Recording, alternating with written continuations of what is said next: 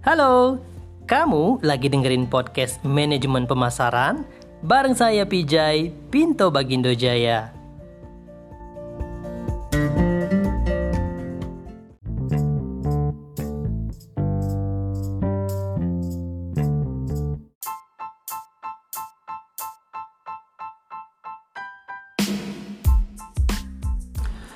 Assalamualaikum, halo teman-teman semua. Baik lagi kita di podcast kita yang membahas tentang manajemen pemasaran. Nah, untuk podcast kali ini kita sudah masuk dalam kategori pembahasan mengelola komunikasi massa yang mana dalamnya mencakup iklan, promosi, penjualan, acara dan pengalaman serta hubungan dengan masyarakat. Nah, kira-kira apa saja nih yang akan kamu dapatkan di episode kali ini?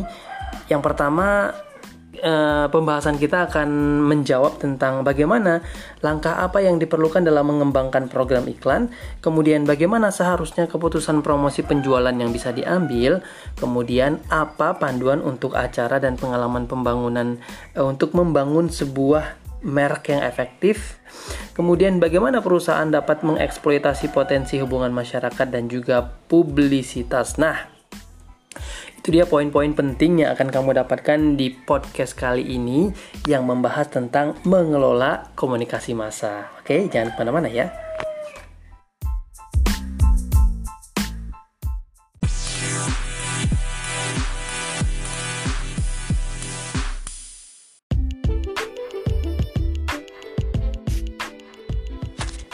Baik, teman-teman.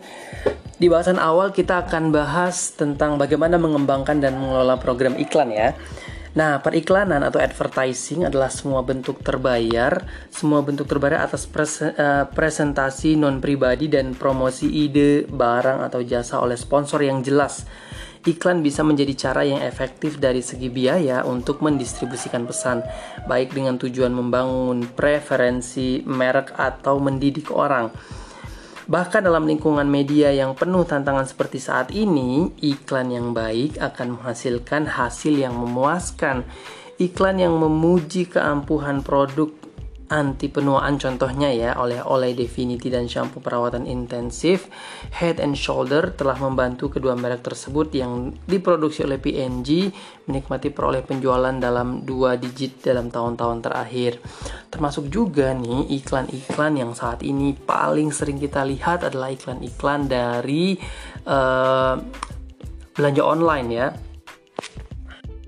iklan-iklan dari marketplace ini saat ini sang, sangat banyak membanjiri media-media termasuk televisi ya kemudian media-media online yang mana mereka terus mengkomunikasikan program-program yang akan mereka jalankan seperti ya kita lihat sendiri ya 11 11, 12 12, Harbol Harbolnas dan lain-lain. Tentu saja hal ini dengan harapan untuk meningkatkan penjualan dari uh, meningkatkan pengunjung ya dan pembelanja yang ada di marketplace mereka. Nah, tentu saja dalam mengembangkan program iklan, manajer pemasaran harus selalu mulai dengan mengidentifikasi pasar sasaran dulu nih dan juga motif pembelinya seperti apa. Lalu mereka menggunakan 5 keputusan utama yang dikenal dengan 5M, yaitu missions, yaitu apa tujuan iklan itu dibuat, kemudian uang atau money, berapa banyak yang dapat kita habiskan dalam mem membiayai iklan tersebut, Kemudian selanjutnya ada message, pesan apa yang harus kita kirimkan. Dan terakhir adalah media, apa media yang harus digunakan. Lalu ada pengukuran atau measurement, bagaimana kita harus mengevaluasi iklannya. Nah, keputusan ini dirangkum uh, dan dijelaskan dalam sebuah tabel ya. Nanti akan saya share tabelnya seperti apa. Ini mengampu tujuan, misi, tujuan penjualan dari tujuan penjualan dan tujuan iklan, kemudian uang, yaitu faktor-faktor yang harus dipertimbangkan, tahapan dalam PLC, product life circle ya, pangsa pasar dan basis konsumen, persaingan dan juga kerumunan, frekuensi iklan, kemampuan penggantian produk.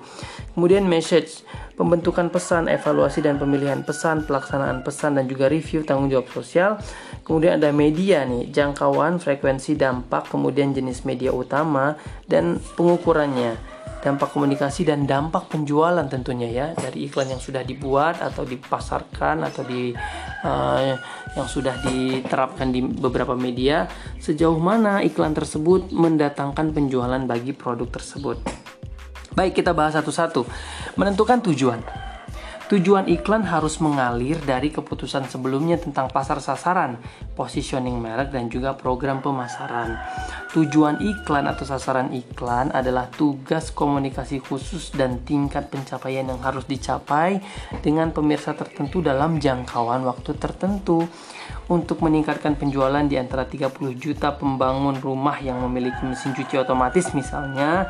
Jumlah yang mengidentifikasi merek tertentu kita sebut mereknya X ya sebagai deterjen busa sedikit dan terbukti bahwa mesin cuci itu membuat pakaian lebih bersih dari 10% sampai 40% dalam setahun. Ini contoh penghitungannya. Nah tujuan iklan dalam di eh, tujuan iklan ini dapat di, diklasifikasikan menurut apa tujuannya baik untuk menginformasikan, meyakinkan, atau juga mengingatkan, atau juga memperkuat. Nah, tujuan ini dapat kita lihat dalam tahapan yang disebut dengan hierarki pengaruh. Kadang-kadang kita sering lihat ya iklan McDonald's di beberapa tempat Padahal kita semua sudah tahu mungkin ya kalau misalnya di Bogor ini ada McDonald's di salah satu tempat, beberapa tempat lah ya katakanlah ya. Tapi tujuan dari iklan itu adalah bagaimana kita sebagai konsumen bisa mengingat. Nah, ya, mengingat bahwa oh iya, kalau lapar misalnya bisa datang ke McDonald's. Ini contoh ya. Baik, ada beberapa tujuan iklan nih. Ada empat nih ya. Ada informatif, persuasif, pengingat, dan penguat. Baik, kita bahas satu-satu. Iklan yang sifatnya informatif bertujuan menciptakan kesadaran merek dan pengetahuan tentang produk atau fitur produk baru yang ada. Salah satu iklan paling diingat yang pernah dibintangi. Uh, bukan dibintangi ya, maksudnya sering diputar adalah kalau saya lihat iklannya Gillette yang baru ya yang mana iklan tersebut mengkomunikasikan dan menginformasikan bahwa jilid yang biru itu sudah ada dalam rencengan gitu ya. Dan uh, mereka mengajak untuk meninggalkan eh, apa namanya meninggalkan yang tipe lama tapi bisa beralih ke tipe yang baru yang dulunya lebih high class tapi sekarang sudah masuk ke warung-warung. Nah ini informatif nih teman-teman ya kemudian iklan persuasif bertujuan untuk menciptakan kesukaan, preferensi, keyakinan, dan pembelian produk atau jasa. Beberapa iklan persuasif menggunakan iklan komparatif yang membuat perbandingan atau eksplisit tentang atribut dua merek atau lebih. Selanjutnya ada tujuan iklan adalah sebagai pengingat, bertujuan menstimulasikan pembeli berulang produk dan jasa. Nah, kita sering lihat nih iklan Coca-Cola misalnya ya, ada berbagai macam varian yang ditawarkan dari produk Coca-Cola. Nah, ini membuat masyarakat ingat bahwa Coca-Cola itu ya selain sudah memang menjadi uh, positioningnya di brand di, di benak konsumen, mereka juga ingin mengingatkan bahwa oh selain produk Coke, mereka juga banyak produk-produk yang lain seperti Minute Maid, kemudian Fanta, kemudian Sprite dan lain-lain ya, Coca-Cola Company itu. Kemudian ada iklan sebagai penguat bertujuan untuk meyakinkan pembeli saat ini bahwa mereka melakukan pilihan yang tepat. Hmm, contohnya iklan shampoo ya, uh, Sunsilk misalnya ya, yang dibintangi oleh Raisa dengan mengkomunikasikan bahwa sudah 10 tahun dia membintang ini tapi dia tidak pernah berpaling. Nah, ini membuat konsumennya agar terus ingat bahwa ya sampo itu memang cocok untuk konsumen Indonesia misalnya ini sebagai pengingat. Nah, jadi ini tujuan-tujuan dari iklan tadi ya ada sebagai iklan informatif, iklan persuasif, iklan pengingat dan juga iklan penguat. Baik. Selanjutnya kita bahas adalah bagaimana memutuskan anggaran untuk sebuah iklan. Nah, bagaimana perusahaan tahu bahwa jumlah pengeluaran mereka itu sudah tepat? Sebagian kritik menyatakan bahwa perusahaan barang mem memasang konsumen yang besar terlalu banyak mengeluarkan uangnya untuk iklan sebagai jaminan agar tidak mengeluarkan terlalu sedikit. Sedangkan perusahaan industri meremehkan kekuatan perusahaan dalam pembentukan citra produk sehingga sangat sedikit mereka mengeluarkan uang. Nah, faktor-faktor yang mempengaruhi keputusan anggaran ini ada lima faktor. Yang pertama, tahapan dalam siklus hidup produk. Produk baru umumnya ini ya teman-teman ya mendapatkan anggaran iklan lebih besar untuk menciptakan kesadaran atau awareness dalam membuat pelanggan mencoba produk baru yang mereka tawarkan. Merek yang sudah mapan biasanya didukung dengan anggaran iklan yang rendah diukur sebagai risiko terhadap penjualan. Nah, kalau produk baru memang sepertinya punya apa atensi yang lebih tinggi ya agar apa? Agar ya minimal konsumen itu sadar dan aware kalau oh ternyata ada produk baru nih sekarang ya. Kemudian yang kedua adalah pangsa pasar dan juga basis konsumen. Merek dengan pangsa pasar yang tinggi biasanya memerlukan pengeluaran iklan yang lebih sedikit sebagai presentase penjualan untuk mempertahankan pangsa pasar. Nah, untuk membangun pangsa pasar dengan meningkatkan ukuran pasar diperlukan pengeluaran yang lebih besar. Ya ini konsumennya udah udah ada, cuman bagaimana pangsa pasar itu menciptakan produk baru biasanya ya.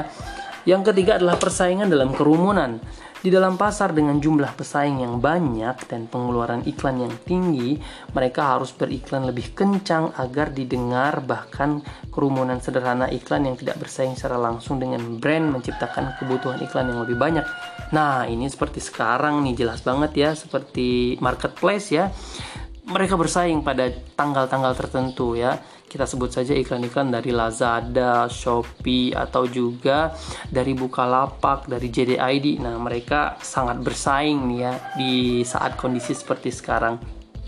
Kemudian yang keempat adalah frekuensi iklan jumlah repetisi yang diperlukan untuk melewatkan pesan mereka kepada konsumen mempunyai mem, mempunyai dampak jelas bagi anggaran iklan. Tentu saja, semakin sering diputar di televisi atau di media-media yang lain, anggarannya akan semakin besar. Kemudian yang kelima adalah kemampuan penggantian atau substitusi produk. Merek yang kurang ter diferensiasi atau kelas produk semacam komoditi, yang minuman ringan, perbankan, dan lain-lain, memerlukan iklan besar-besaran untuk menanamkan citra yang berbeda. Baik, kita masuk ke pertanyaan pertama, pertama kita untuk podcast kali ini ya. Coba kamu simak dan kamu ulangi lagi nih, apa saja tujuan iklan yang dapat diklasifikasikan menurut apakah tujuannya juga beserta contohnya ya. Tadi kalau nggak salah ada empat yang sudah saya paparkan kepada teman-teman, oke? Okay?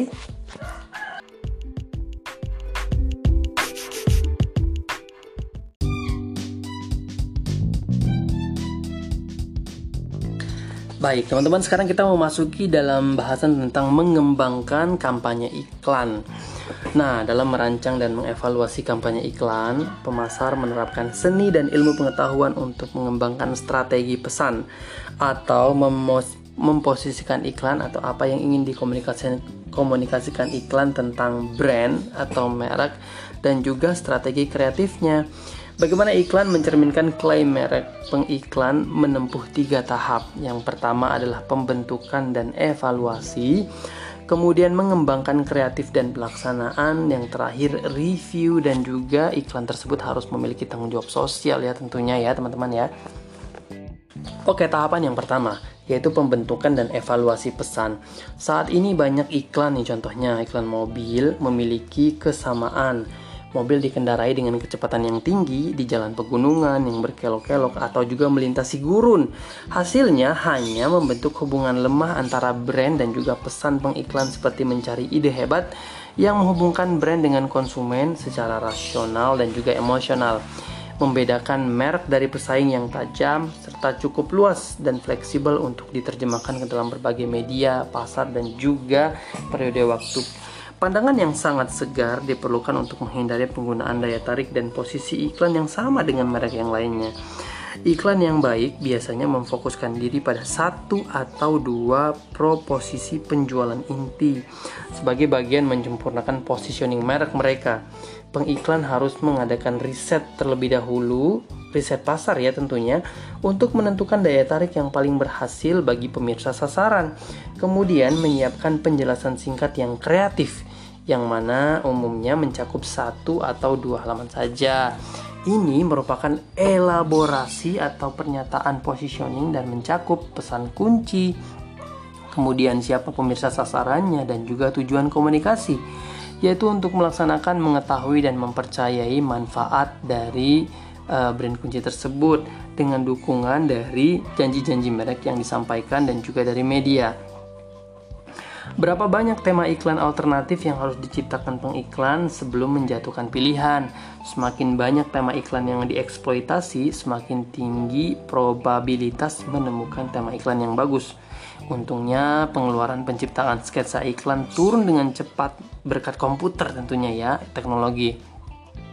Departemen kreatif agensi iklan dapat membuat banyak alternatif iklan dalam waktu singkat dengan menarik data dari arsip komputer yang berisi gambar, foto, dan juga video. Pemasar juga dapat menurunkan biaya kreatif secara drastis dengan menggunakan konsumen sebagai tim kreatif mereka.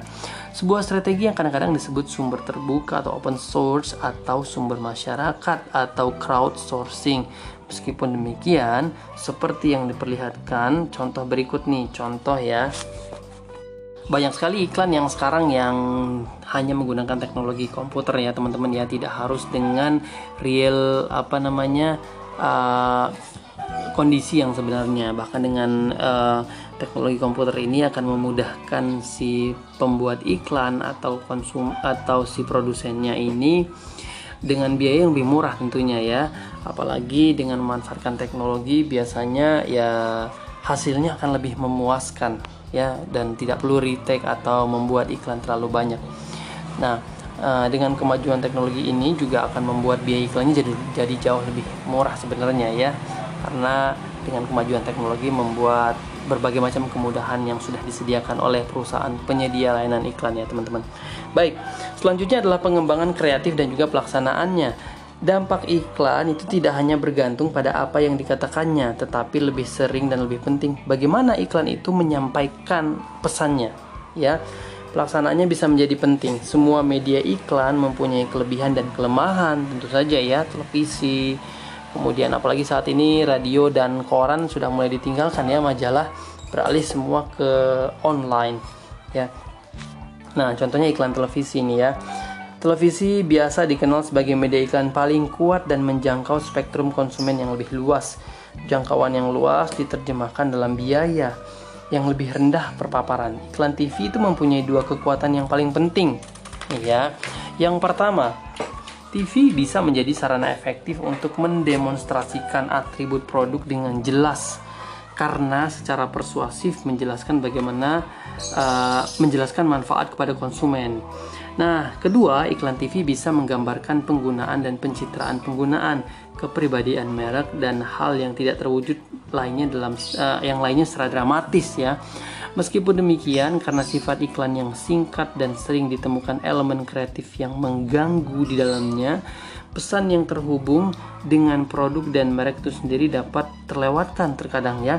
Selanjutnya volume iklan yang tinggi dan bahan non program pada televisi menciptakan kerumunan yang permudah konsumen untuk mengabaikan atau melupakan iklan. Nah ini benar banget. Kadang-kadang ada tidak efektifnya juga ya karena sangkin banyaknya iklan jadi konsumen nggak bisa mengingat kecuali iklan yang betul-betul uh, unik dan juga kreatif itu bisa diingat oleh konsumen. Nah, Nah, berdasarkan riset ini memperlihatkan bahwa jumlah pemirsa yang mengatakan bahwa mereka memperhatikan iklan TV itu sangat menurun sekarang ini ya. Dan bahkan biasanya kalau iklan itu langsung ganti channel ya. Tapi iklan TV yang dirancang dan dilaksanakan dengan tepat dapat meningkatkan ekuitas brand dan juga mempengaruhi penjualan dan laba.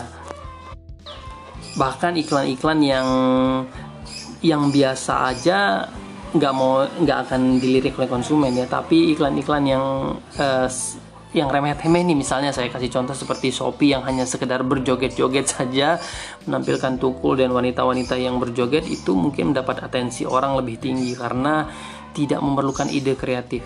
Tapi kadang-kadang iklan yang terlalu kreatif yang menampilkan apa namanya uh, cerita itu bahkan membuat orang bosan ya teman-teman ya.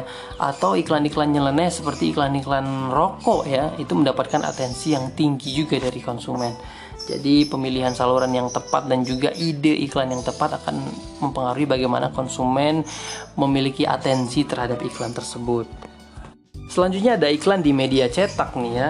Walaupun sekarang sudah sangat menurun. Oke, kita bahas ini dalam beberapa dekade yang lalu ya. Media cetak menawarkan kelengkapan yang berlawanan dengan media siaran karena pembaca dapat menggunakan media cetak selama apa pun yang mereka butuhkan. Majalah, surat kabar dapat memberikan informasi produktif yang rinci dan mengkomunikasikan pencitraan penggunaan dan kegunaan dengan efektif. Namun di sisi lain, sifat statis citra visual dalam media cetak membuat presentasi dan demonstrasi dinamis menjadi sulit dan media cetak menjadi pasif. Ya, ya begitu ya.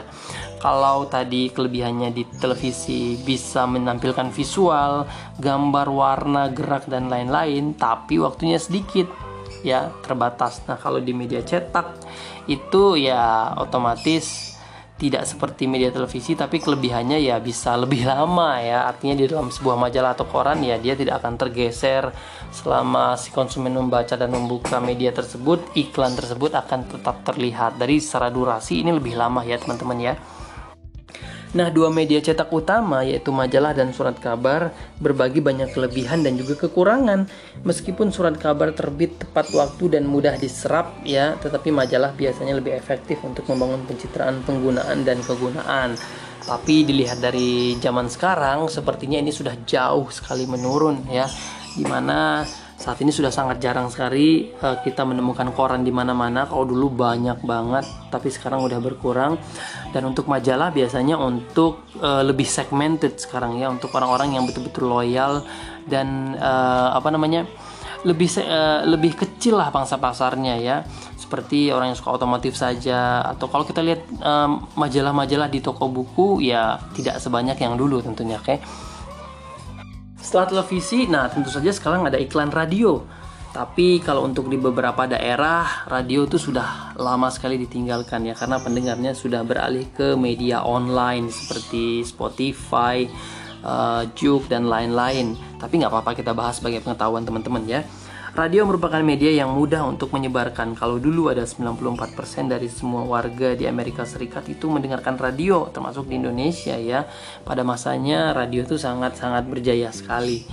Nah, kelemahan di radio sudah jelas adalah kekurangannya citra visual dan sifat konsumen yang relatif pasif. Jadi konsumen tuh harus membayangkan dan membuat theater of mind lah di otaknya ya ketika satu iklan itu diluncurkan tapi seperti di, di Jakarta itu radio itu masih cukup didengarkan ya.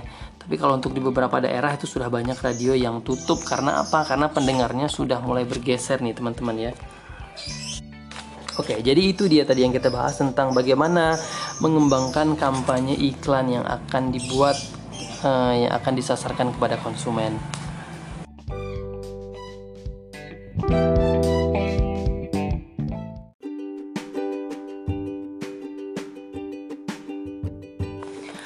Oke teman-teman kita masih di podcast kita yang membahas tentang manajemen pemasaran yang kali ini membahas tentang bagaimana mengelola komunikasi massa, iklan, promosi dan penjualan ya. Baik, kita masuk ke bahasan tentang bagaimana memutuskan media dan juga mengukur efektivitas. Nah, setelah uh, memilih pesan, tugas pengiklan berikutnya adalah memilih media yang akan membawanya dan dalam tahapan ini pengiklan memiliki memilih jangkauan, frekuensi dan dampak yang diinginkan dari iklan tersebut. Nah, memilih jenis media utama, kemudian memilih sasaran media tertentu, kemudian memutuskan penentuan waktu media dan memutuskan alokasi media secara geografis, lalu pemasar yang mengevaluasi hasil keputusan. Oke, memutuskan jangkauan, frekuensi, dan juga dampak. Teman-teman, pemilihan media atau media selection adalah proses menemukan media yang paling efektif yang mana biaya dan juga untuk menghantarkan jumlah dan jenis paparan yang diinginkan kepada pemirsa sasarannya. Apa yang dimaksud dengan jumlah paparan yang diinginkan? Maksudnya adalah pengiklan mencari tujuan iklan dan respon tertentu dari sasarannya. Contoh, tingkat sasaran percobaan produk Tingkat ini di antaranya bergantung pada tingkat kesadaran brand. Nah, pengiklan itu mencari tujuan iklan dan respon tertentu dari pemirsa sasaran. Misalnya, tingkat sasaran percobaan produk. Tingkat ini di antaranya tergantung pada tingkat kesadaran merek. Misalnya juga tingkat percobaan produk meningkat dengan tingkat pengurangan pada tingkat kesadaran pemirsa. Nah, Tugas berikutnya adalah menemukan berapa banyak paparan yang akan menghasilkan tingkat kesadaran pemirsa. Jadi sejauh mana iklan yang ditampilkan di televisi dan media-media yang lain itu meningkatkan awareness ya atau juga kesadaran konsumen bagaimana uh, kesadaran masyarakat bagaimana mereka itu tahu dengan produk itu.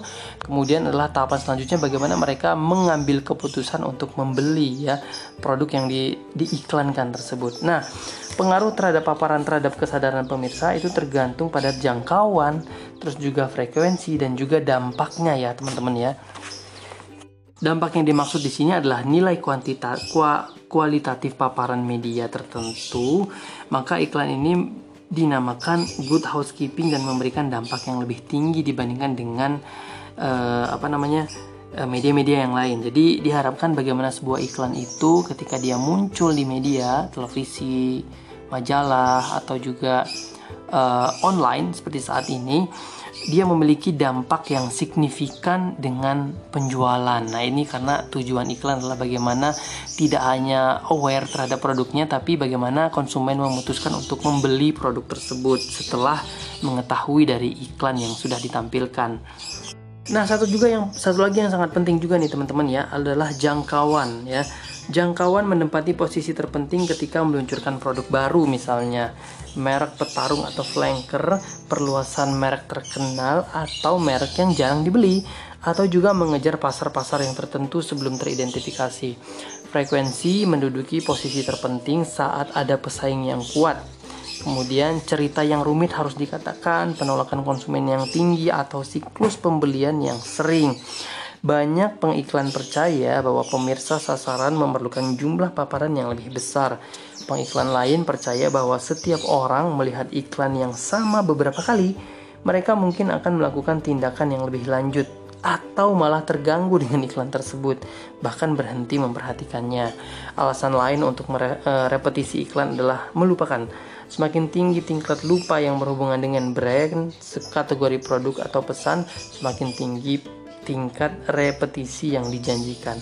Meskipun demikian, pengiklan tidak boleh menyiarkan iklan yang lelah, tapi memaksakan pelaksanaan yang segar melalui agensi iklan mereka. Jadi ada juga ya beberapa beberapa iklan yang membuat kita, uh, kayaknya ini malah bukan uh, senang melihatnya, malah kayak jadi terabaikan gitu ya, teman-teman ya.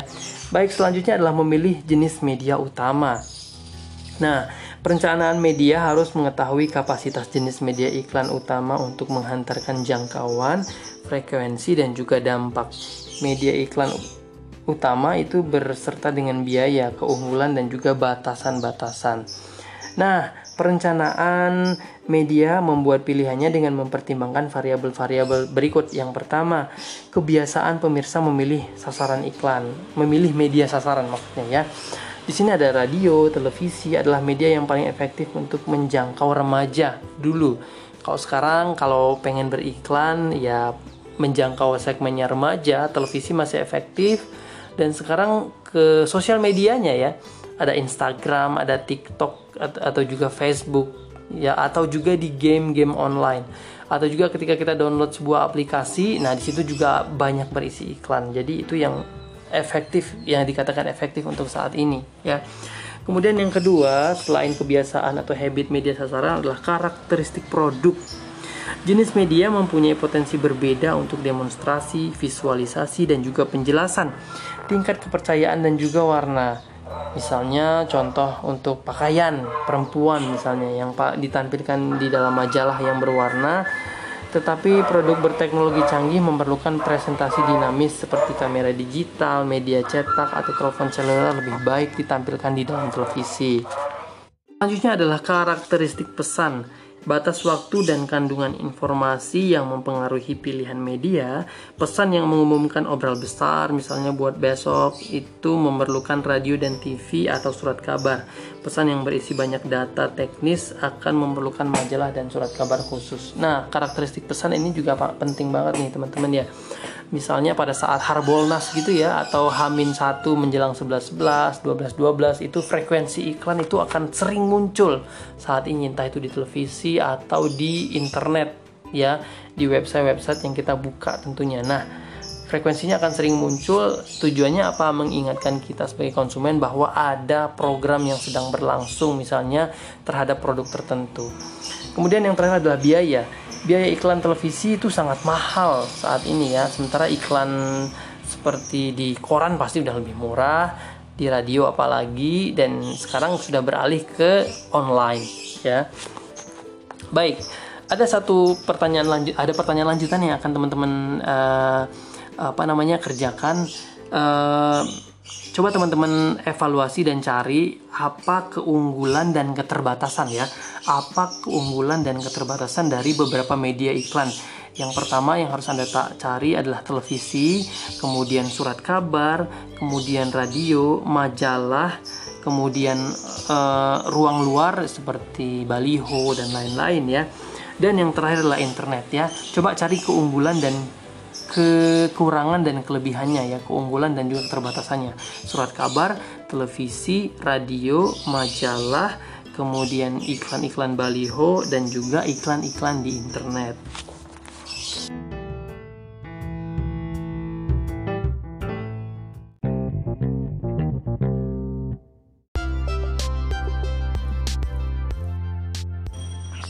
Baik, sekarang kita bahas tentang memilih sarana media khusus. Perencanaan media harus mencari sasaran yang paling efektif, biaya dalam setiap jenis media terpilih. Pengiklan yang memutuskan untuk membeli iklan di televisi 30 detik saja dapat membayar sekitar kalau di luar negeri ada 100 ribu dolar ya untuk acara baru dan hampir 500 ribu dolar untuk acara yang sudah terkenal ya. Nah, biaya rata-rata untuk menghasilkan iklan komersial uh, yang cukup terkenal itu berdurasi 30 detik pada tahun 2005 itu sebesar 381.000 dolar. Nah, biaya yang dibutuhkan untuk menyiarkan iklan satu kali di TV jaringan dan hampir sama dengan biaya untuk menghasilkannya. Dalam mengambil pilihan, perencana harus bergantung pada layanan pengukuran dan memberikan perkiraan utama pemirsa. Komposisi, biaya media, ukuran pemirsa mempunyai beberapa kemungkinan ukuran. Yang ada dalam bahasan ini adalah ukurannya adalah yang pertama sirkulasi, yaitu jumlah unit fisik yang membawa iklan. Kemudian yang kedua ada pemirsanya atau yang menyaksikannya atau yang menyimak iklan tersebut adalah jumlah orang yang terpapar sarana. Jika sarana itu memiliki pemirsa yang bersedia untuk meneruskan, mungkin sekarang jadi WOM ya, um, uh, word of mouth-nya marketing. Kemudian jumlah pemirsanya bisa lebih besar dibandingkan sirkulasi saran tersebut. Kemudian ada juga pemirsa yang efektif, yaitu jumlah orang dengan karakteristik pemirsa sasaran yang terpapar dari iklan tersebut. Selanjutnya, pemirsa yang terpapar iklan yang efektif, yaitu jumlah orang dengan karakteristik pemirsa sasaran yang betul-betul melihat dan menyimak iklan tersebut. Nah, para pemasar harus menerapkan beberapa penyesuaian terhadap ukuran biaya per seribu. Pertama, mereka harus menyesuaikan ukuran kualitas pemirsa. Untuk iklan pelembab bayi misalnya, jumlah yang dibaca oleh satu juta ibu muda itu mempunyai nilai paparan satu juta jika dibaca oleh satu juta remaja. Dan tentu saja waktunya harus dipilih. Kapan nih waktu ibu-ibu muda ini menyaksikan iklan tersebut? Misalnya dipilih waktu iklan prime time ya yang pasti atau jam-jam sinetron atau jam-jam acara yang disukai oleh ibu-ibu kalau untuk televisi ya ya mungkin sekitar setelah maghrib kali ya atau dari jam 5 sore waktu orang-orang rehat sampai dengan malam. Nah tergantung juga dengan segmen acaranya apa. Nah ini menentukan sekali ya teman-teman. Nah misalnya untuk di majalah nih ada juga menentukan kualitas editorial majalah. Kemudian orang lebih memiliki mempercayai iklan di televisi atau radio dan lebih terpapar secara positif terhadap brand ketika iklan itu ditempatkan dalam program yang mereka sukai jadi biasanya pengiklan itu memilih program-program acara baik itu di televisi atau mungkin di radio ya dulu ya. Sekarang udah nggak kayaknya ya di televisi yang paling penting. Atau juga di sosial media nih ya uh, di kanal-kanal YouTube misalnya di platform-platform seperti itu ya tergantung dari channel apa yang ditonton oleh pemirsanya. Nah di situ biasanya iklan akan memasang uh, apa namanya beriklan di eh, kanal YouTube misalnya ya. Baik, selanjutnya memutuskan penentuan waktu dan alokasi media. Dalam memilih media, pengiklan menghadapi masalah penentuan jadwal makro dan jadwal mikro. Misalnya, penentuan jadwal makro meliputi penentuan jadwal ikan yang berhubungan dengan musim dan siklus bisnis. Misalnya seperti sekarang nih kalau Desember uh, yang bertepatan dengan akhir tahun, kemudian tahun baru, kemudian perayaan keagamaan. Nah, ini biasanya mungkin frekuensi iklan juga semakin meningkat ya seiring dengan mungkin beberapa gerai mengadakan diskon atau juga produk-produk yang ditawarkan dengan murah. Atau juga seperti yang sering kita lihat di televisi, iklan-iklan platform platform e-commerce ya yang saat ini sedang gencar beriklan karena mungkin ada tanggal-tanggal cantik ya 11-11, 12-12, Harbolnas, Tahun Baru, dan lain-lain. Nah, pola paling efektif itu tergantung pada tujuan komunikasi yang berhubungan dengan sifat produk, pelanggan sasaran, saluran distribusi, dan juga faktor pemasaran lainnya. Pola penentu waktu harus mempertimbangkan tiga faktor. Yang pertama, perputaran pembeli mencerminkan tingkat pembeli baru memasuki pasar. Yang kedua, semakin tinggi tingkat ini, iklan harus semakin kontinu. Frekuensi pembelian adalah jumlah waktu sepanjang periode di mana rata-rata pembeli membeli produk Semakin tinggi frekuensi pembelian, iklan semakin kontinu. Tingkat lupa adalah tingkat di mana pembeli melupakan brand. Semakin tinggi tingkat lupa, iklan harus semakin kontinu ya. Jadi semakin tinggi tingkat iklan terhadap satu eh, tingkat lupa terhadap satu produk, maka iklannya harus semakin digencarkan. Nah, dalam meluncurkan produk baru, pengiklan harus memilih di antaranya eh, kontinuitas, konsentrasi, dan juga bersela dan juga berdenyut. Apa sih? Nah, kontinuitas atau uh, continuity berarti paparan muncul setelah konsisten sepanjang periode tertentu. Biasanya pengiklan menggunakan iklan berkelanjutan dengan situasi pasar yang semakin luas, dengan barang yang sering dibeli dan kategori pembeli yang didefinisikan dengan ketat.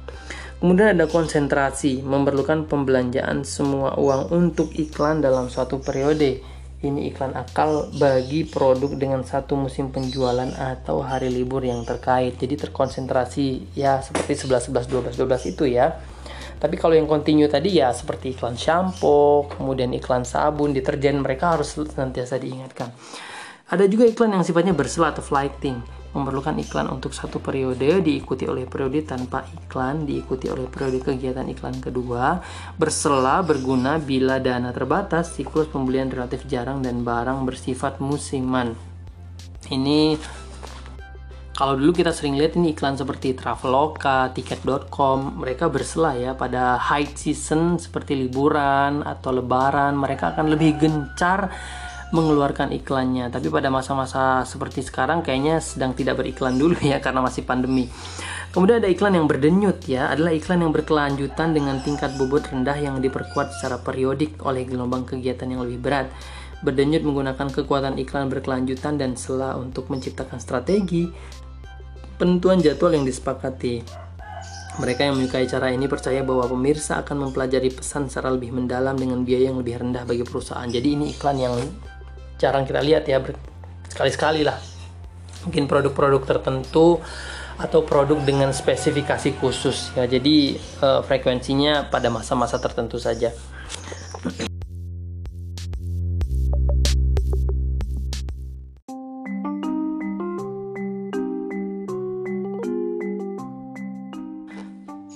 Baik, selanjutnya kita akan masuk ke dalam mengevaluasi efektivitas iklan. Sejauh mana nih sebuah iklan yang ditayangkan di media, televisi, dan lain-lain itu menjadi sangat efektif dengan produk yang ditawarkan entah itu tujuannya adalah awareness kesadaran konsumennya untuk produk baru atau juga pem pemutus ke keputusan pembelian atau juga kontinuitas pembelian ya teman-teman ya. Sebagian besar pengiklan berusaha mengukur pengaruh komunikasi sebuah iklan yaitu pengaruh potensial terhadap kesadaran pengetahuan dan juga preferensi. Mereka juga ingin mengukur pengaruh penjualan iklan tersebut. Nah riset pengaruh komunikasi ini berusaha menentukan apakah iklan berkomunikasi secara efektif atau tidak nih. Pemasar harus melaksanakan pengujian ini sebelum iklan ditempatkan pada media dan setelah iklan itu dicetak atau disiarkan. Jadi sebelum dan sesudah ya. Ada tiga metode pengujian utama. Yang pertama adalah metode umpan balik konsumen yang mana meminta konsumen menjawab pertanyaan. Misalnya, apa pesan utama yang Anda dapatkan dari iklan tersebut? Kemudian yang kedua, menurut kamu apa yang diinginkan iklan untuk diketahui? Atau yang ketiga, seberapa besar kemungkinan iklan itu akan mempengaruhi Anda? Yang keempat, apa yang berhasil baik dari iklan tersebut dan apa juga yang buruk? Kemudian yang kelima, apa yang dirasakan setelah iklan tersebut ditayangkan, didengarkan dan lain-lain. Kemudian yang keenam, di mana tempat terbaik untuk menjangkau uh, konsumen dengan iklan tersebut? Nah, itu pertanyaan-pertanyaan yang disebut dengan metode umpan metode umpan balik bagi konsumen yang mana meminta konsumen menjawab pertanyaan seperti itu ya. Selanjutnya aja ada uji portofolio yang mana meminta konsumen melihat atau mendengarkan portofolio iklan. Konsumen lalu diminta mengingat semua iklan dan kandungannya. dibantu atau tidak dibantu oleh pewawancara. Tingkat ingatan mengidentifikasikan kemampuan iklan untuk menonjol dan membuat perasaan pesannya dipahami atau juga diingat. Selanjutnya ada uji laboratorium. Menggunakan peralatan untuk mengukur reaksi fisiologis detak jantung, tekanan darah, gerakan pupil, respon kulit, pernafasan dan lain-lain terhadap iklan tersebut. Jadi ini mengetes sejauh mana ya adrenalinnya mungkin ya. Nah, kritik terhadap pengujian awal mengatakan bahwa agensi dapat mendesain iklan yang hasil ujinya baik, tetapi tidak selalu berkinerja baik di pasar. Pendukung pengujian awal iklan mengatakan bahwa informasi diagnosis yang berguna dapat timbul dan pengujian awal tidak boleh digunakan sebagai satu-satunya komponen pengambil keputusan. Dikenal luas sebagai salah satu pengiklan terbaik misalnya Nike ya, dikenal melakukan sangat sedikit pengujian dengan awal iklan. Riset pengaruh penjualan. Penjualan apa yang dihasilkan oleh sebuah iklan yang meningkatkan kesadaran brand sebesar 20%? dan juga preferensi merek sebanyak 10%. Semakin sedikit faktor lainnya yang dapat dikendalikan seperti fitur dan juga harga, semakin mudah untuk mengukur pengaruh iklan terhadap penjualan nih. Dampak penjualan paling mudah diukur dalam situasi penjualan langsung dan paling sulit dalam hal iklan pembangunan brand atau citra perusahaan. Perusahaan umumnya tertarik untuk mencari tahu apakah mereka mengeluarkan biaya terlalu banyak atau kurang dalam sebuah iklan. Nah, salah satu pendekatan untuk menjawab pertanyaan tersebut uh, bisa menggunakan berbagai rumus variabel ya teman-teman ya. Nanti akan saya share nih rumus variabelnya apa aja. Pangsa pengeluaran iklan perusahaan menghasilkan pangsa suara yaitu proporsi iklan perusahaan tersebut terhadap semua iklan produk dan menghasilkan pangsa pikiran dan hati konsumen dan berakhir pada pangsa pasar. Nah, dalam hal ini Periset itu berusaha mengukur dampak penjualan melalui analitis dan juga historis dan juga eksperimental. Pendekatan historis melibatkan korelasi penjualan masa lalu dengan pengeluaran iklan yang masa lalu menggunakan teknik statistik yang canggih. Baik, selanjutnya adalah promosi penjualan nih teman-teman.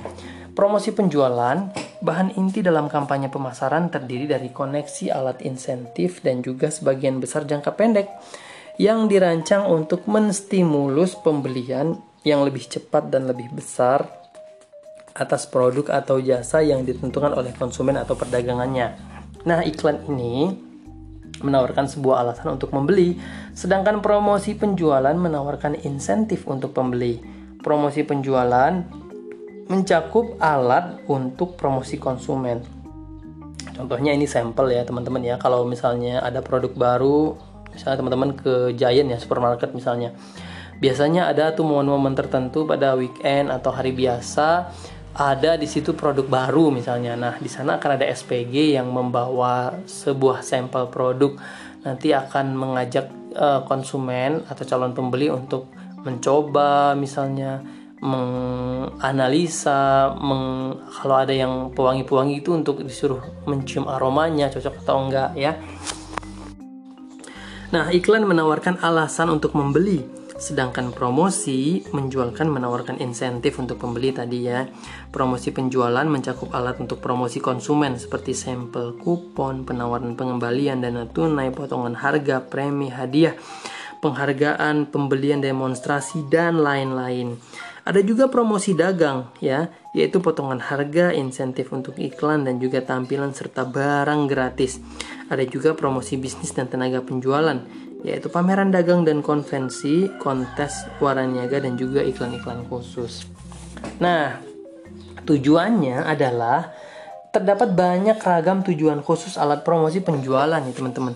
Sampel gratis misalnya, ini mendorong konsumen untuk mencoba bagaimana produk tersebut, entah itu rasa, aroma, bentuk dan lain-lain.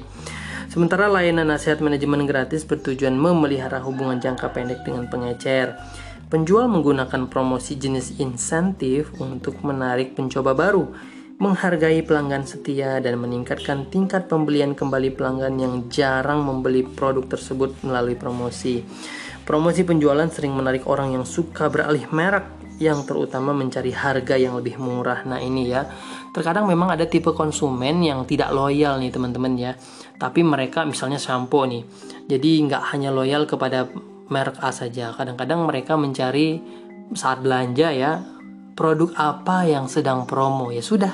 Nah, ini yang membuat apa namanya produk tersebut tidak loyal di mata konsumen. Kadang-kadang harga itu mengalahkan segalanya ya teman-teman ya. Jadi orang tuh lebih memilih mana yang lebih diskon untuk minggu ini misalnya deterjen. Biasanya produk kebutuhan sehari-hari ya. Jika beberapa di antaranya tidak mencoba brand atau merek, promosi dapat menghasilkan peningkatan pangsa pasar dalam jangka waktu yang panjang. Promosi penjualan di pasar yang memiliki kemiripan merek yang tinggi dapat menghasilkan respon penjualan tinggi dalam jangka pendek, tetapi sedikit keuntungan permanen pada preferensi merek dalam jangka panjang. Di pasar dengan perbedaan brand yang tinggi, promosi penjualan mampu mengubah pangsa pasar secara permanen. Selain peralihan merek, konsumen juga dapat menumpuk stok membeli lebih awal daripada sebelumnya. Nah, betul juga sih. Kadang-kadang kalau ada promo pada brand tertentu misalnya beli dua gratis satu atau beli dua gratis beli produk yang lain. Nah ini mendorong konsumen dengan promosi ini untuk tidak hanya membeli tapi juga uh, uh, membuat stok ya menumpul mengumpulkan stok untuk produk tersebut Nah, sejumlah manfaat promosi penjualan mengalir ke produsen dan juga konsumen. Produsen dapat menyesuaikan variasi jangka pendek dengan persediaan dan permintaan, serta menguji seberapa tinggi harga resmi yang dapat dikenakan kepada mereka karena selalu dapat mendiskonnya. Promosi ini mendorong konsumen mencoba produk yang baru, kemudian menimbulkan format eceran yang lebih beragam seperti penetapan harga yang lebih murah setiap hari dan penetapan harga promosi bagi pengecer. Promosi dapat meningkatkan penjualan kategori komplementer. Promosi adonan kue dapat meningkatkan penjualan frosting atau adonan lapis permukaan kue dan juga dapat mendorong peralihan toko. Promosi penjualan juga bermanfaat dalam mempromosikan kesadaran konsumen yang lebih besar terhadap harga Selain itu, dengan promosi penjualan, produsen terbantu dengan menjual lebih banyak daripada biasanya pada harga resmi dan juga mendapatkan program ke berbagai konsumen segmen tertentu.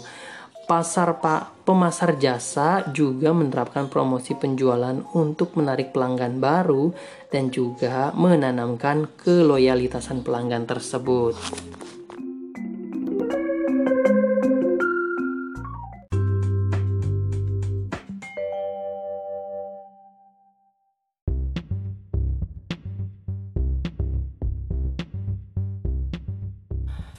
Baik teman-teman, sekarang kita akan bahas temanya tentang acara dan pengalaman. Nah, di tema ini akan membahas misalnya tentang sebuah produk yang mana produk tersebut menjadi sponsor atau juga menjadi bagian dari sebuah acara atau kegiatan besar biasanya ya.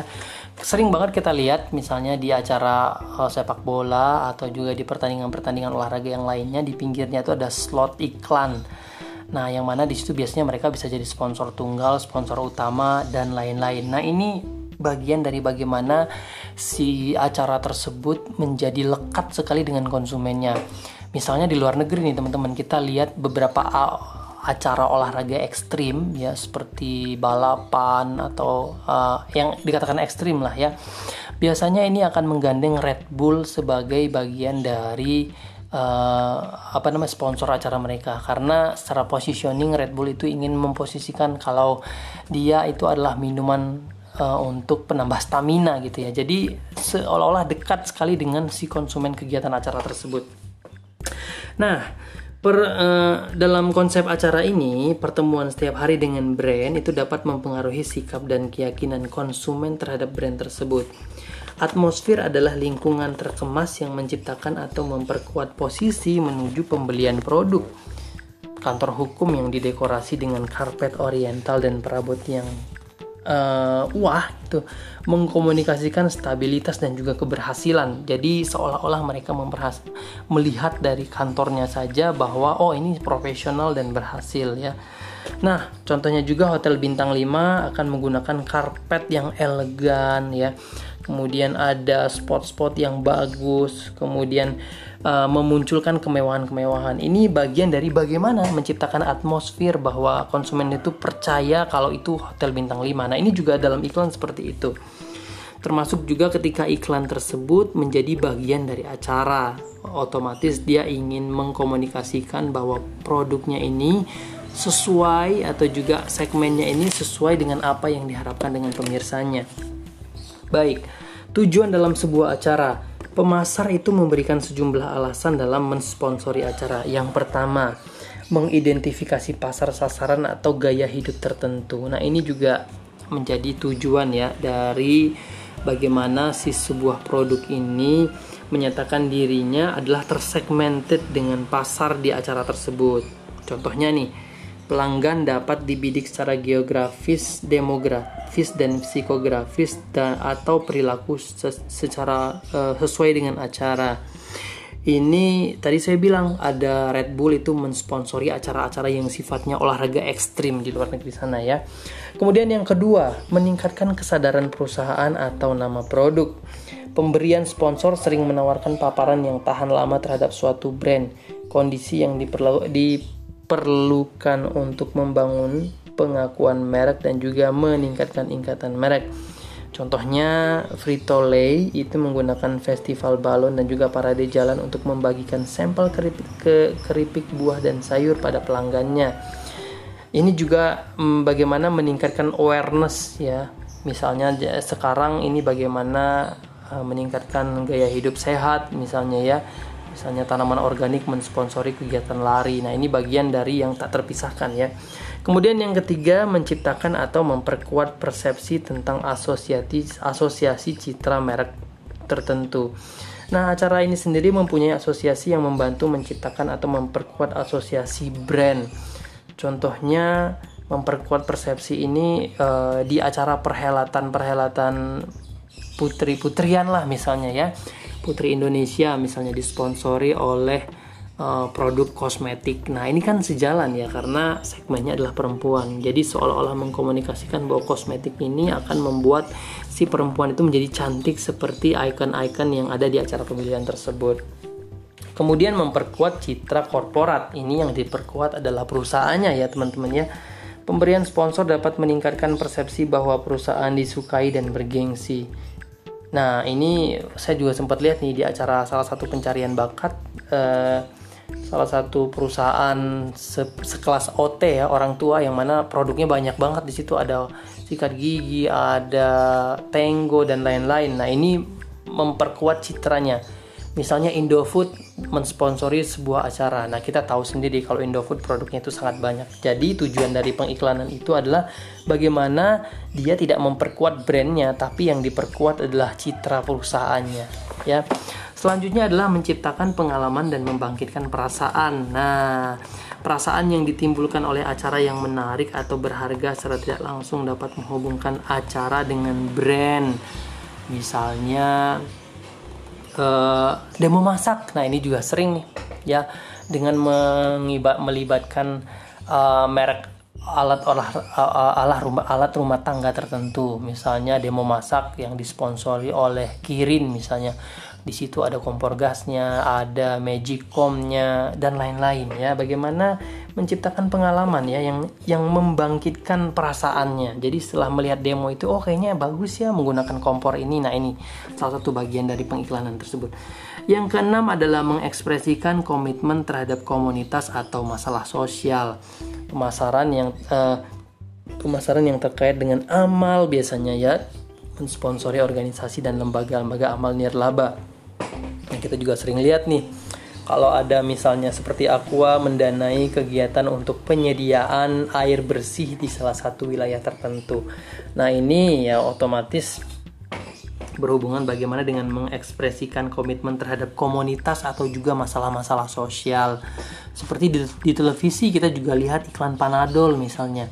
mana yang mana dia tidak hanya mengkomunikasikan produknya tapi dia juga mengkomunikasikan bahwa Panadol ini ada ada kegiatan melestarikan terumbu karang. Jadi dua-duanya dapat ya, dia mengkomunikasikan produknya dan juga bagian dia juga mengkomunikasikan bahwa mereka punya program CSR yang mana juga ikut melestarikan uh, alam.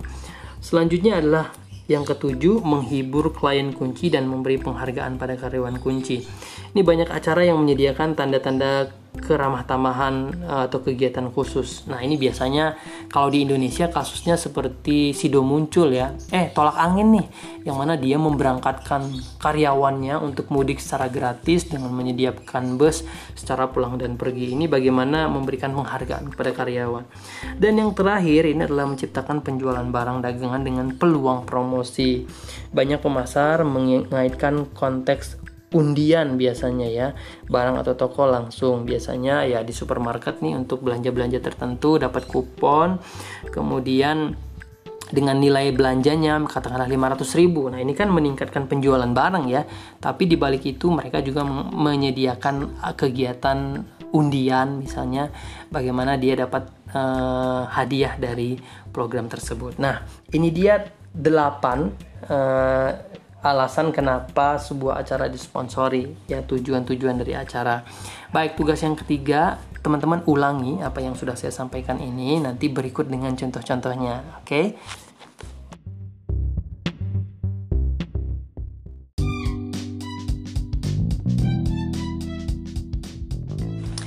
Baik, selanjutnya kita akan bahas tentang hubungan masyarakat perusahaan tidak harus berhubungan secara konstruktif dengan pelanggan, pemasok atau juga penyalur, tetapi juga harus berhubungan dengan sejumlah besar masyarakat yang berminat.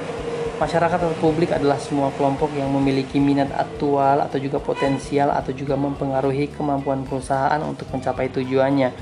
Hubungan masyarakat meliputi public relation, juga meliputi berbagai program untuk mempromosikan atau melindungi citra atau produk individual perusahaan. Perusahaan yang bijaksana mengambil langkah konkret untuk mengelola hubungan yang berhasil dengan masyarakat kuncinya. Sebagian besar perusahaan ini mempunyai departemen hubungan masyarakat dengan mengamati sikap masyarakat di dalam organisasi serta mendistribusikan informasi dan komunikasi untuk membangun itikat baik atau goodwill. Departemen Humas terbaik itu membimbing manajemen puncak untuk menerapkan program yang positif dan juga menghilangkan praktik yang patut dipertanyakan sehingga publisitas negatif tidak timbul. Mereka melaksanakan lima fungsi. Yang pertama adalah hubungan pers, yaitu mempresentasikan berita dan juga informasi tentang organisasi dalam pandangan yang paling positif. Yang kedua adalah publisitas produk, yaitu mensponsori usaha untuk mempublikasikan produk tertentu. Yang ketiga, komunikasi corporate, yaitu mempromosikan pemahaman organisasi melalui komunikasi internal dan juga eksternal. Yang keempat adalah melobi, yaitu bernegosiasi dengan membuat peraturan dan pejabat pemerintah untuk mengajukan atau melonggarkan undang-undang dan peraturan. Yang kelima itu adalah konseling, yaitu memberikan sarana kepada manajemen tentang masalah publik dan juga posisi perusahaan serta citra sepanjang masa, baik itu baik atau buruk ya. Seperti yang dijelaskan dalam gagasan pemasaran, kadang-kadang humas memberi harus menjadi ujung tombak usaha komunikasi pemasaran untuk membantu ketika merek mendapat masalah. Nah, ini juga penting ya. Sempat beberapa waktu yang lalu kita tahu nih ada beberapa merek yang mengalami masalah nih teman-teman ya. Kalau dulu itu kalau nggak salah ada Oreo ya karena Oreo itu sempat mendapat sedikit masalah karena dituding ada bahan-bahan yang apa namanya yang tidak baik untuk uh, tubuh ya. Jadi waktu itu bisa dilihat juga dalam iklannya bahwa si bintang iklannya datang ke pabriknya kemudian melihat secara langsung proses pembuatannya dan meyakinkan konsumen bahwa bahan-bahan yang terkandung dalam makanan tersebut sebenarnya aman untuk tubuh. Atau juga kasus susu bubuk ya. Denko kalau nggak salah waktu itu juga mengalami hal yang sama jadi mereka memberikan uh, mem, men, apa, mengkomunikasikan kepada konsumennya bahwa uh, sempat ramai kan bahwa uh, produk yang ada di Indonesia itu tidak mengandung bahan-bahan seperti yang diisukan. Nah, ini fungsinya humas ya bagaimana mengcounter setiap masalah yang berhubungan dengan produk. Karena apabila tidak di handle dan di counter dengan baik itu berbahaya bagi citra produknya. Tidak hanya berkurangnya penjualan, tetapi hal yang terburuknya adalah konsumen meninggalkan dan menganggap brand tersebut sudah tidak layak lagi. Jadi itu yang harus diperhatikan sebenarnya dari humas ya teman-teman ya.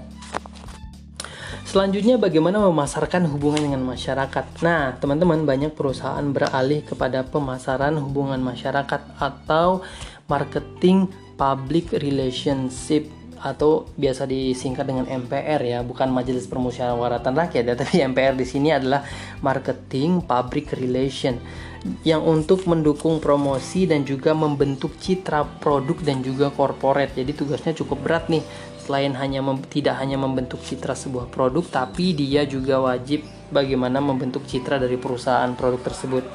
MPR ini seperti humas keuangan dan juga humas komunikasi yang mana melayani konstituen khusus Departemen Pemasaran. Dan tentu saja MPR ini atau juga marketing public relation ini punya tugas-tugas penting di antaranya yang pertama meluncurkan produk baru yaitu keberhasilan konsumen dalam mengumumkan dan memainkan produk-produk baru uh, ini adalah publisitas yang kuat ya dari program-program dari MPR ini. Yang kedua adalah bagaimana mereposisi produk yang dewasa atau matang. Kemudian yang ketiga, membangun minat dalam kategori produk. Yang keempat adalah mempengaruhi kelompok sasaran tertentu. Ini contohnya McDonald's mensponsori acara di ruang lingkup komunitas. Ya, itu bagaimana mempengaruhi kelompok sasaran tertentu. Kemudian yang kelima adalah mempertahankan produk yang menghadapi masalah publik. Nah, ini cukup berat nih ketika satu pro publik tadi yang seperti saya contohkan di sebelumnya ada masalah.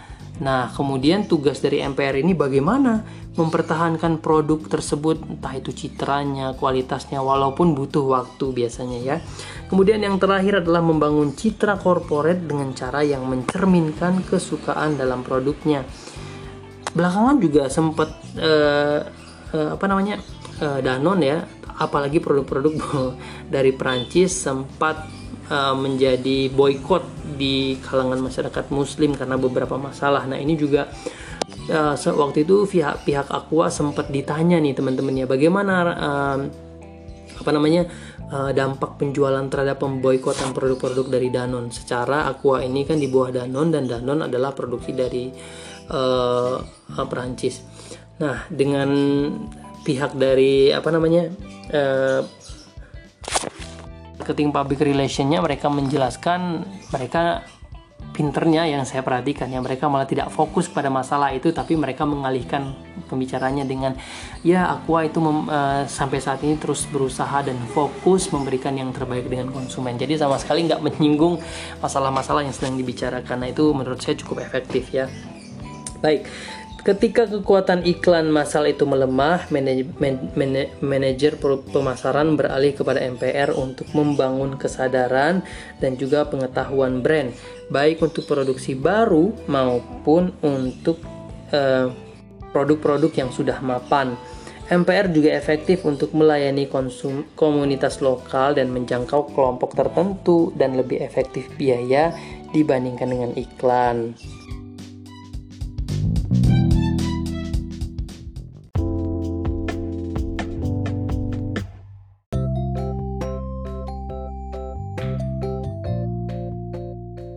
Baik, kita lanjut dalam MPR tadi ya, marketing public relation. Nah, keputusan utama dalam pemasaran humas dalam mempertimbangkan kapan dan bagaimana menggunakan MPR ini, manajemen harus menentukan tujuan pemasaran, memilih pesan dan juga sarana humas, mengimplementasikan rencana secara cermat dan juga mengevaluasi hasil. Yang mana alat-alat utama di dalam marketing public relation uta, uh, marketing public relationship ini alat-alat utama dalam pemasaran humas itu adalah yang pertama publikasi yaitu bagaimana perusahaan sangat bergantung pada bahan yang dipublikasikan untuk menjangkau dan mempengaruhi pasar. Selanjutnya acara nih, perusahaan dapat menarik perhatian ke produk baru atau kegiatan perusahaan lain dengan mengatur acara khusus ya. Kemudian pemberian sponsor, perusahaan dapat mempromosikan brand dan nama corporate. Kemudian pemberitaan ya. Salah satu tugas utama dari profesional humas adalah menemukan dan menciptakan berita yang menyenangkan tentang produk tersebut. Kemudian adalah kegiatan layanan masyarakat. Perusahaan dapat membangun itikat baik dengan menyumbangkan uang, produk, atau berbagai macam program kegiatan-kegiatan sosial. Selanjutnya adalah media identitas. Perusahaan memerlukan identitas visual yang segera diakui publik. Identitas visual dibawa oleh logo perusahaan, alat tulis brosur, dan lain-lain.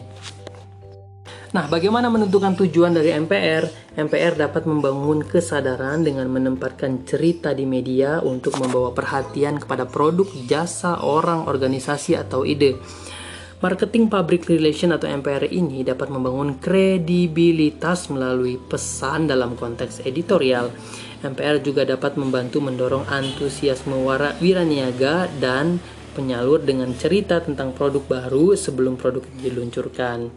Nah, bagaimana juga memilih pesan dan sarana? Misalkan sebuah perguruan tinggi yang relatif tidak terkenal menginginkan lebih banyak visibilitas. Nah, praktisi MPR ini akan mencari cerita nih, apakah ada anggota fakultas yang mempunyai latar belakang yang tidak biasa. Jadi kayak behind-behind story gitu ya, teman-teman ya. Atau apakah ada yang mempengaruhi proyek yang tidak biasa. Jadi seperti kesatuan, biasanya uh, marketing public relationnya itu yang kita bisa lihat nih kan di kesatuan itu ada beberapa atlet ya atlet uh, nasional yang seperti SEA Games lalu itu ada atlet yang mendapat medali emas dari cabang karate. Nah, ini di blow up oleh kesatuan. Ini bisa menjadi bagian dari komunik kesatuan bahwa oke, okay, mahasiswa di kesatuan itu punya prestasi atau juga berbagai macam lomba yang diikuti oleh mahasiswa kesatuan dan kemudian menjadi juara. Nah, ini terus dikomunikasikan oleh MPR-nya kesatuan. Jadi, citra kesatuan itu tetap terjaga secara corporate dan juga secara brand. Oke, jadi teman-teman rangkuman kita untuk pada podcast kali ini. Iklan itu adalah semua bentuk terbayar dari presentasi non pribadi dan juga promosi ide, barang, dan jasa oleh sponsor tertentu. Iklan tidak hanya meliputi perusahaan bisnis tapi juga badan amal, nirlaba, dan juga pemerintah. Yang kedua, pengembangan program iklan adalah proses lima tahap. Yang pertama, menentukan tujuan iklan, menetapkan strategi anggaran, memilih pesan iklan, dan juga strategi kreatif yang keempat, memutuskan media. Dan yang kelima, mengevaluasi komunikasi dan pengaruh penjualannya. Promosi penjualan terdiri dari berbagai koleksi alat insentif. Kebanyakan jangka pendek dirancang untuk merangsang pembelian yang lebih cepat atau lebih besar terhadap produk atau jasa tertentu oleh konsumen atau perdagangan. Promosi penjualan meliputi alat untuk promosi konsumen, promosi dagang, serta promosi bisnis dan tenaga penjualan pemeran dagang dan juga konvensi, kontes wiraniaga dan juga iklan khusus. Dalam menggunakan promosi penjualan, perusahaan harus menentukan tujuannya, memilih alat, mengembangkan program, menguji program, mengimplementasikan dan juga mengendalikannya serta mengevaluasi hasil. Acara dan pengalaman adalah sarana untuk menjadi bagian dari saat-saat khusus dan relevan yang lebih pribadi dalam kehidupan konsumen Keterlibatan dalam acara ini dapat memperluas dan memperdalam hubungan sponsor dengan pasar-pasarnya, tetapi hanya jika dikelola dengan tepat. Kemudian yang terakhir adalah hubungan dengan masyarakat atau humas melibatkan berbagai program yang dirancang untuk mempromosikan atau melindungi citra perusahaan atau produk individualnya. Saat ini banyak perusahaan yang menggunakan pemasaran hubungan masyarakat atau MPR, Marketing Public Relation, yang mana untuk mendukung departemen pemasaran dalam promosi dan juga pembentukan citra korporat atau produk. MPR dapat mempengaruhi kesadaran publik dengan biaya yang hanya sebagian dari biaya iklan dan sering kali jauh lebih kredibel. Dan alat utama humas adalah publikasi, berita, acara, kegiatan layanan masyarakat, dan juga media identitas. Oke teman-teman, itu dia semua materi kita di bab yang ke-10 ini tentang mengelola komunikasi massa yang berkaitan dengan iklan, promosi penjualan, acara pengalaman, serta hubungan masyarakat. Terima kasih banyak ya, mudah-mudahan materi hari ini bermanfaat buat kita semua. Saya pamit dulu ya, terima kasih banyak. Assalamualaikum warahmatullahi wabarakatuh.